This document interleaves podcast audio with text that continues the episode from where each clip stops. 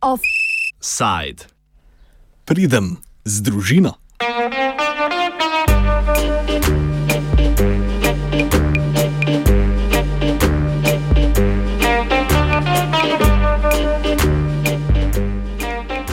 Soboto bo v Ljubljani potekala parada ponosa, sklepni del niza dogodkov z področja pravic LGTB skupnosti. Organizatori parade ponosa z letošnjim shodom želijo mobilizirati širšo skupino ljudi, ki so povezani z LGTB skupnostjo. Ne samo posameznikov, temveč tudi njihove svojce in prijatelje. V ta namen se je že v maju organiziralo precej okroglih mis in delavnic s političnimi in praktičnimi vsebinami. Baš me briga za svet. Za začetek prisluhnimo Simoni Muršec, soorganizatorki letošnje parade ponosa, ki opiše dogajanje v preteklem mesecu. Prejšnjo soboto smo pa začeli uradno otvorili teden parade ponosa. In sicer smo tale teden sestavili iz um, bolj socialnih uh, trenutkov druženja. Uh, eden od takih je bil v soboto zjutraj v desetih uh, Maurični branč. Um, prav tako smo imeli delavnice za otroke, um, potem smo imeli turistično turo po Ljubljani z to zgodovinsko perspektivo 30 let uh, LGBT gibanja pri nas in 15 let parade ponosa. Mi smo recimo obiskali nekaj teh tipičnih prostorov, ki so zgodovino zadnjih 30 let našega gibanja zaznamovali in smo se tudi srečali z določenimi aktivisti, ki so potem povedali en del tega sodelovanja, zgodovine in tako dalje. Potem smo uh, um, program zastavili tudi tako, da, smo, da imamo vsak dan v večernih urah um, ali kulturno-glasbeni program ali pa bolj aktivistično-politični program. Sama sobota pa je potem zaznamovana z paradosonosa, um, z tem, ko se zberemo ob uh, 17. na Neselkovi, ob 18. se začne povorka koraka po mestnih ulicah Ljubljane do Novega trga in od 19. do um, tam, teka 21. potem na Novem trgu poteka um, aktivistično-politični del programa z nekimi nagovori, pa seveda potem tudi glasbeni program s koncerti in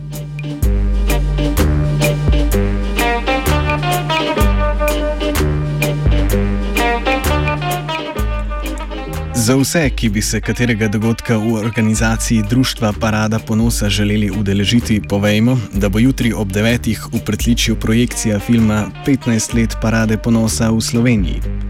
Sama parada pa bo v soboto z zborom ob 17. uri na Metelkovi.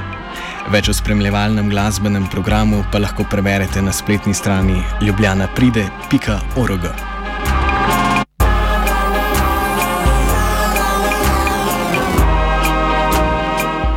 Nekaj kratkega nam Simona pove tudi o zgodovini LGTB gibanja v Sloveniji.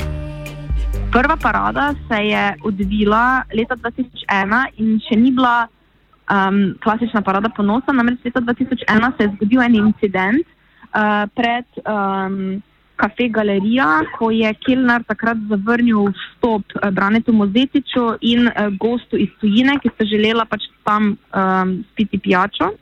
Uh, in potem se je um, skupnost, pa ne samo LGBT skupnost, ampak vsi tisti ljudje, ki so, se, ki so razumeli to kot nekaj um, zelo ponižujočega in nedopustnega, so se zorganizirali v prvi protestni pohod po Ljubljani, ki se mu je reklo obvoznice mimo nestrpnosti. No in iz tega pohoda leta 2001 je potem leta 2002 um, zakorakala po ljubljanskih ulicah ta prva tako parada ponosa v tem bolj klasičnem smislu besede, um, že s tem imenom, tudi z razumevanjem, da se gre za parado ponosa. Um, mi leto 2001 zaštejemo za začetek in zato letos tudi 15. pohod po Ljubljani. Uh, kaj smo se pa na, naučili v teh 15 letih?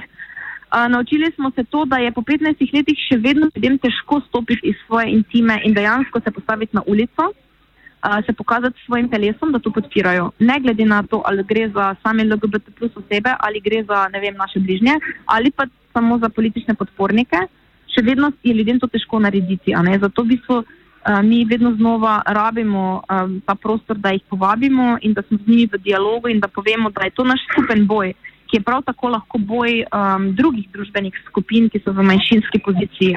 To, tukaj se ne gre samo za opozarjanje na kratenje človekovih pravic LGBT osebam, ampak v bistvu za neko družbeno stanje, ki krati človekove pravice in postavlja na margino tudi druž druge družbene skupine.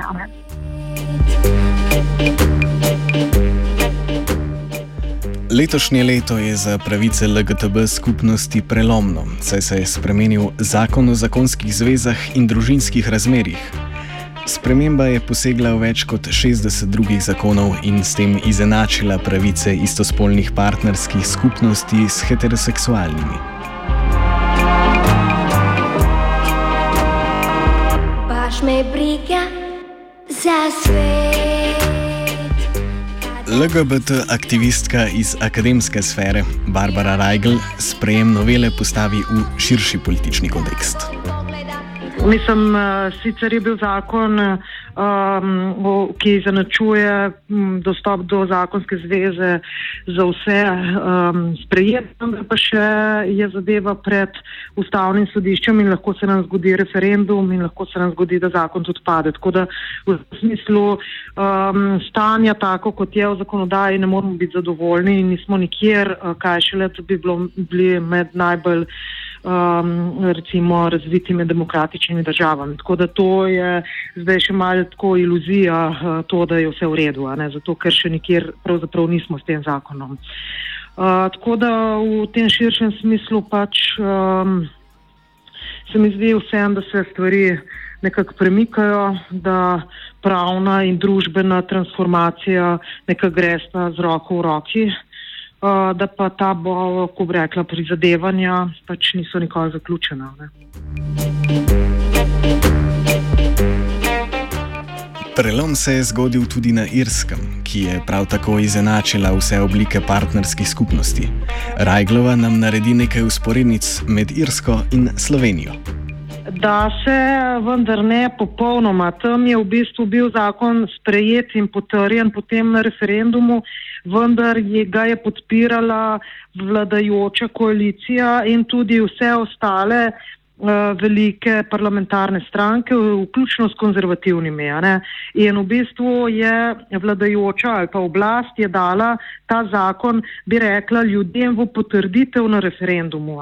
V trenutku, ko so nekako imeli občutek, da je to, ta zadeva že zrela, zlasti pa so um, se za ta zakon nekako zauzela. Ne. Pri nas pa se mi zdi, da se je in leta 2011, ko je bil družinski zakonik sprejet in potem padel na referendumu, tudi tokrat zgodilo to, da uh, vladajoči sicer zbe, zberejo nekako, um, ko bi rekli, ali pa so prisiljeni v to, da to sprejmejo. Ne vem zakaj, zaradi njihovih političnih obljub, partnerjev, ne vem, česar koli, potem se pa zelo v času referenduma odmaknejo, kot da to ni njihova stvar. Ne. To je pa velika razlika med tukaj in Irsko, ker tam je ta podpora bila absolutna in je bila. In tudi um, pač enostavno je bila tudi medijska podpora, to je zelo podobno tudi pri nas. In tudi uh, bi rekla, da, da crkvena oblast ali pa crkva tam nima več take moči, kot jo tukaj uh, dobiva, se mi zdi. Mi imamo zdaj v bistvu na tej točki. pravic manjšine, se v bistvu poskuša rehabilitirati katoliška crkva. Ne. Katoliška crkva je svoj ugled v zadnjih letih zaradi različnih stvari zapravila in zdaj poskuša v bistvu samo sebe rehabilitirati preko uh, tega vprašanja, ki so ga nastavili kot neko um, ideološko, kulturno bojno polje. Ne. Tako da um, je pa zdaj neko zatišje in je v bistvu težko govoriti, preden stavno sodišče sploh odloči. Nazaj v Slovenijo. Kot nasprotnik novele zakona se je močno angažiral konzervativni del slovenske politike.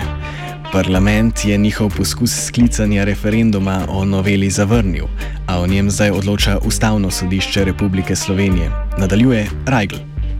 Ampak je zahteva za referendum na ustavnem sodišču. Torej, v bistvu je konzervativna civilna družba zahtevala referendum o tem zakonu,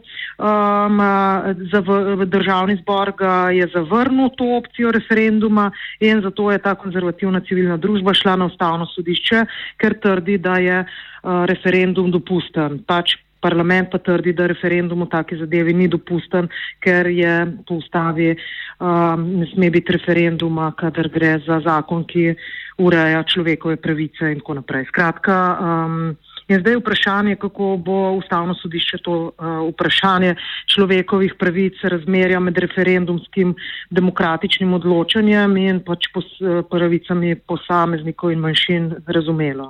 Da in uh, zdaj v sredo, torej včeraj, naj bi uh, ustavno sodišče o tem že razpravljalo, vendar informacije se mi zdi v javnosti o tem, kaj so se odločili, so se sploh odločili, kdaj se bodo odločili, uh, pravzaprav ni, tako da v bistvu se čaka na to, kaj se bo zgodilo.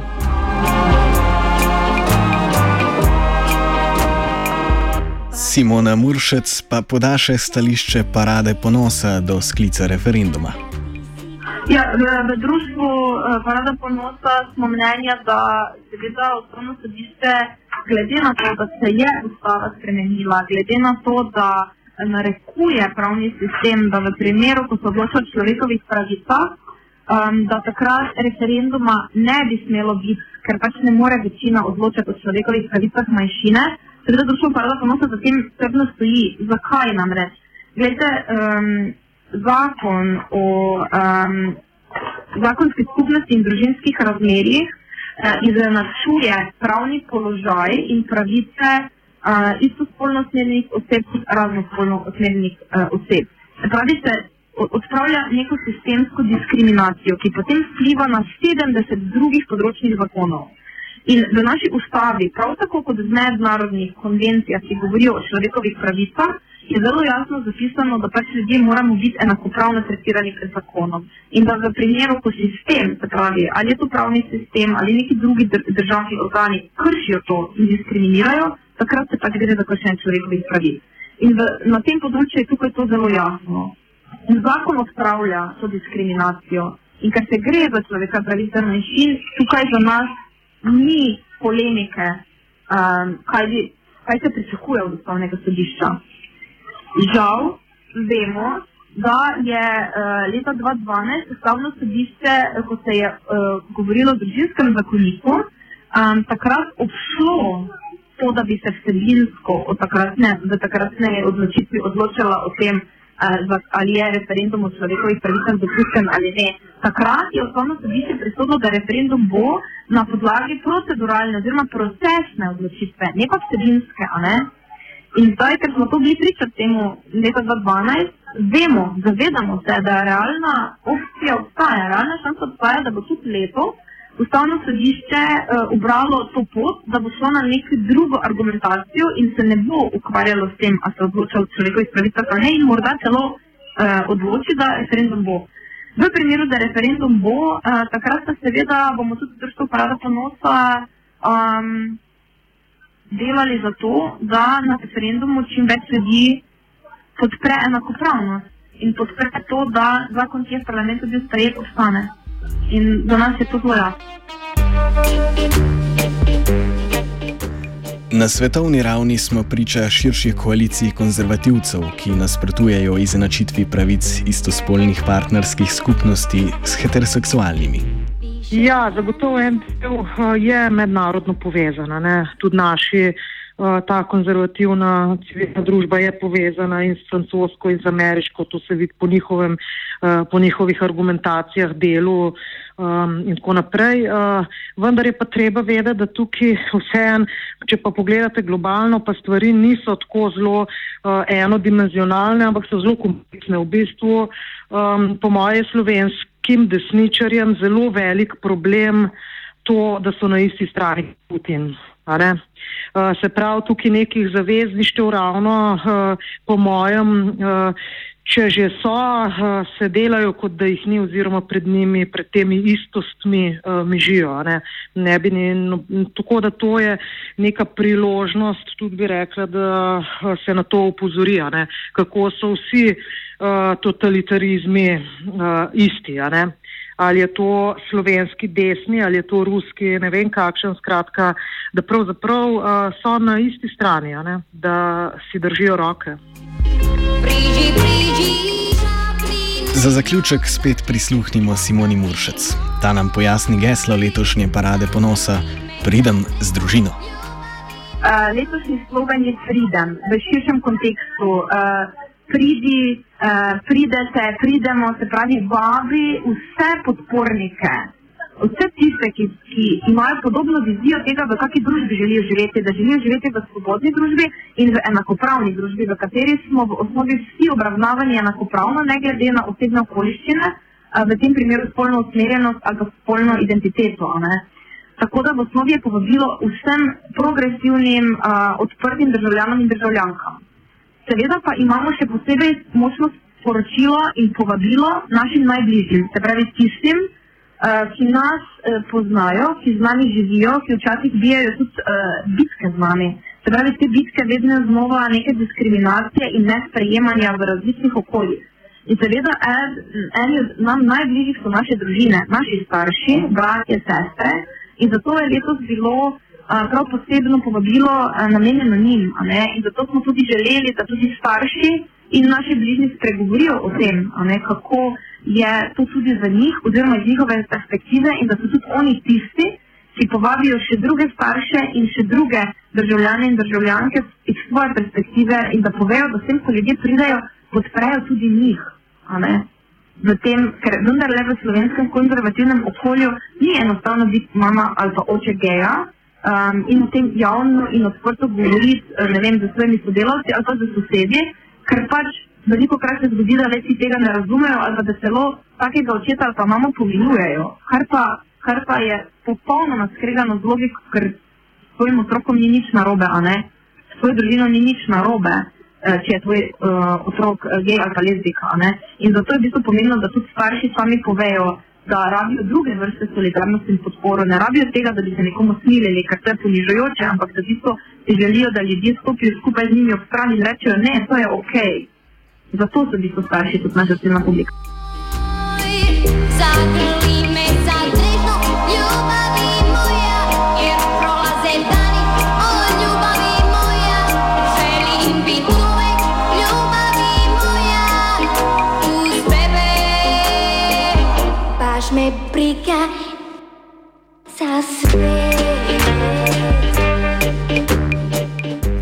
Maurični offside je pripravil noveli.